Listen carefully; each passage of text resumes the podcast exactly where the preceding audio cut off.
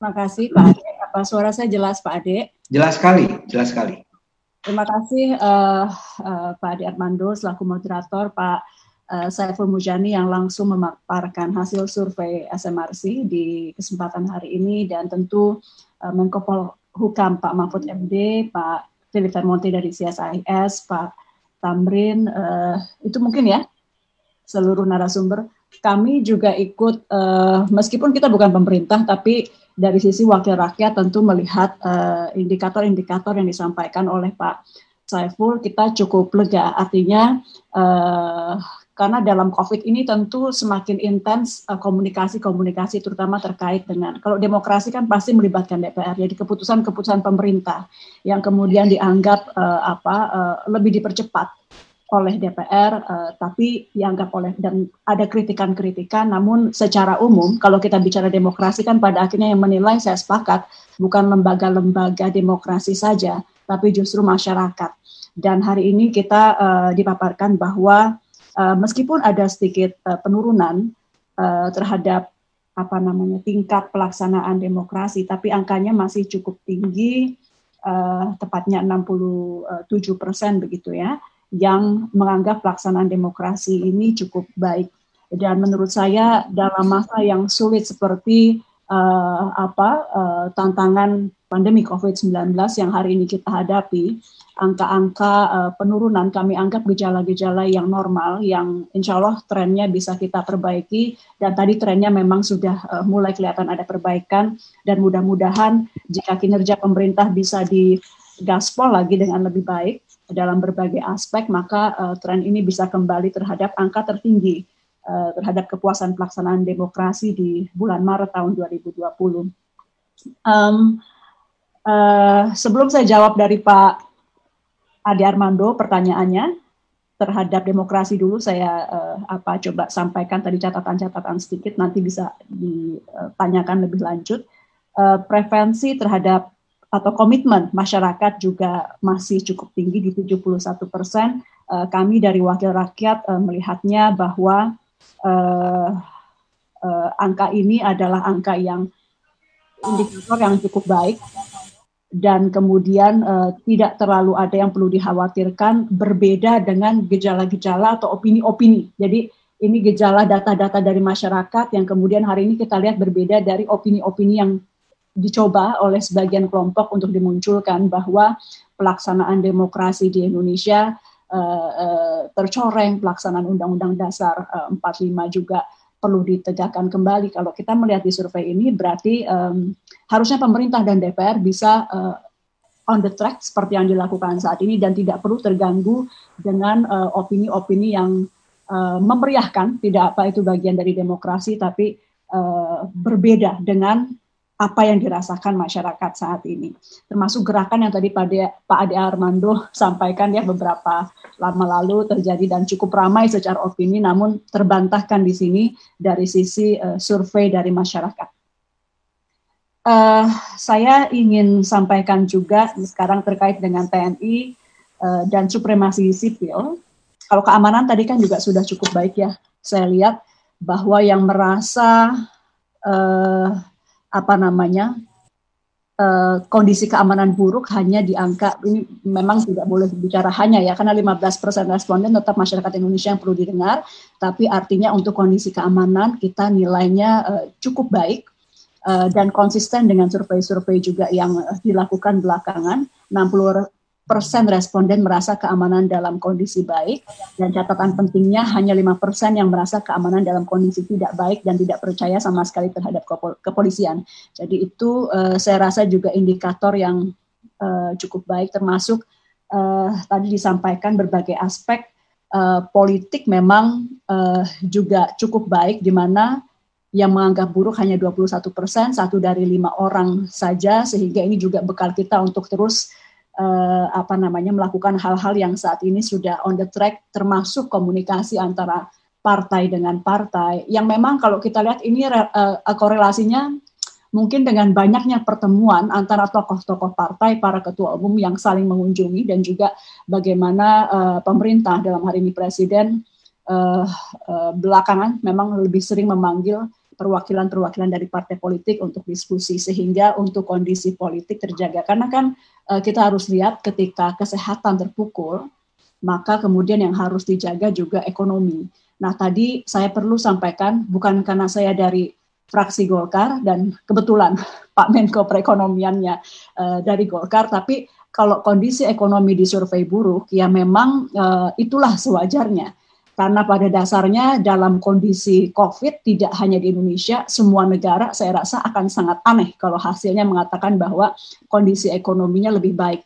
Ini uh, yang apa namanya harus kita pahami uh, dan uh, mari kita melihat lebih kepada bagaimana confident dari presiden terhadap uh, kemampuan bukan bukan hanya presiden pemerintah terhadap kemampuan keluar dari krisis dan itu angkanya uh, cukup tinggi. Tadi saya lupa di angka berapa ya. Kepercayaan kepada kemampuan presiden membawa keluar dari krisis adalah 65 persen. Ini betul-betul menjadi modal utama baik DPR dan juga pemerintah untuk uh, uh, menggiatkan langkah-langkah yang dilakukan saat ini berupa stimulus, bansos, uh, refocusing anggaran yang uh, pada dasarnya memang kami di DPR juga tidak terbiasa Pak uh, Saiful untuk melakukan pembahasan anggaran uh, secara uh, cepat dan kemudian merefokus angka yang sangat besar uh, kepada urusan COVID gitu. Tapi kepada satu urusan ya dalam hal ini COVID. Tapi kemudian ternyata ini dianggap langkah yang tepat termasuk tadi uh, ketika diterapkan new normal kami juga melihat kembali kepada uh, apa komitmen preferensi terhadap demokrasi ketika new normal diberlakukan, maka ada tren perbaikan di uh, preferensi terhadap demokrasi. Ini kalau di Amerika Serikat kan mereka selalu mengaitkan lockdown dengan uh, uh, demokrasi gitu ya bahwa kita boleh memilih keluar bahkan kalau di Amerika kita boleh pilih pakai masker atau tidak tapi artinya uh, langkah new normal yang ketika itu juga kami uh, tentu mendengarkan masukan bahwa apakah kita sudah bisa new normal dan lain-lain tapi berarti uh, dari survei ini kami juga sudah bisa cukup lega bahwa keputusan bersama antara pemerintah dan DPR untuk mendukung kemudian pelaksanaan new normal dianggap uh, sudah cukup baik oleh masyarakat kalau kita melihatnya dari indikator tren uh, apa terhadap pelaksanaan demokrasi di tanah air. Oke, sekarang masuk ke TNI dan supremasi sipil, Pak Ade. Saya rasa uh, kenapa kita lihat angka-angka yang seolah uh, menurut Pak Saiful lebih toleran terhadap keterlibatan dari uh, militer-militer aktif meskipun memang tidak pada puncak uh, kepemimpinan ya. Tadi disurvei kan Pak Saiful bilangnya pada puncak kepemimpinan ada angka-angkanya. Sebentar saya cek, uh, cek dulu angkanya. Tapi Pak Ade tadi menanyakan untuk Pak Kasat. Uh, menurut saya pemerintah masih menaruh senada dengan yang disampaikan oleh masyarakat melalui survei SMRC, pemerintah tetap masih menaruh uh, militer di bawah supremasi sipil. Karenanya ketuanya untuk pelaksana Pak Erik, ketua komite kebijakannya Pak Erlangga Hartarto Menko Perekonomian. Jadi mungkin uh, dari Komisi Satu kami tidak terlalu khawatir uh, apa terlebih dahulu. Kami sadar bahwa ini bagi teman-teman mungkin adalah gejala-gejala yang perlu diperhatikan dan itu sah-sah saja. Tapi dalam hal ini karena uh, Kasat ditaruh sebagai wakil, uh, bukan pemimpin tertinggi di uh, dalam komite untuk penanganan COVID, saya rasa itu masih dapat dipahami melihat skala tantangan yang begitu besar dan juga bahwa uh, apa namanya pelibatan TNI memang diperlukan dalam beberapa hal dalam penanganan COVID.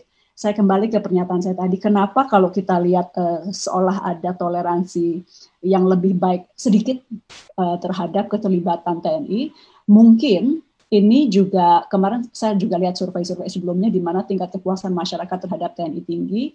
Ini mungkin karena sejak pertama penanganan COVID, uh, peran-peran TNI yang sebelumnya tidak terlalu terlihat kerja-kerjanya menjadi terbuka dalam hal misalnya pemulangan di area di awal sekali pemulangan uh, warga negara kita, saudara-saudari kita dari Wuhan. Dimulai dari situ, kemudian juga ada rumah sakit-rumah sakit militer yang uh, apa uh, digiatkan untuk penanganan pasien-pasien COVID, uh, termasuk di Wisma Atlet, uh, rumah sakit-rumah sakit uh, uh, sementara yang di seperti di Pulau Galang misalnya yang disiapkan bersama juga oleh TNI dan yang utama adalah pendistribusian alat-alat termasuk APD, rapid test dan lain-lain yang ketika itu di awal-awal COVID memang amat perlu disegerakan dan itu digunakan eh, perangkat-perangkat uh, dari uh, militer. Dan masyarakat melihat itu terliput setiap hari di layar kaca di uh, media massa dan itu mungkin yang kemudian membuat uh, ada gejala-gejala uh, toleransi. Meskipun angkanya menurut saya terhadap komitmen supremasi sipil dan bahwa tentara tidak perlu dilibatkan dalam hal-hal di luar uh, pertahanan baik itu dari luar negeri uh, dan dalam negeri untuk yang khusus saja yang apa uh, uh, istilahnya tadi uh, uh, seperti bencana atau hal-hal yang memang berat itu menurut saya karena itu. Jadi menurut saya tidak terlalu perlu dikhawatirkan namun memang saya sepakat bahwa TNI uh, eh, sebagaimana juga mitranya dari rakyat perlu diingatkan bahwa uh, dalam penanganan COVID tentu juga harus mengedepankan profesionalisme, harus mengedepankan uh, humanisme dan persuasisme. Gitu. Jadi ini um, catatan yang baik menurut saya dari SMRC.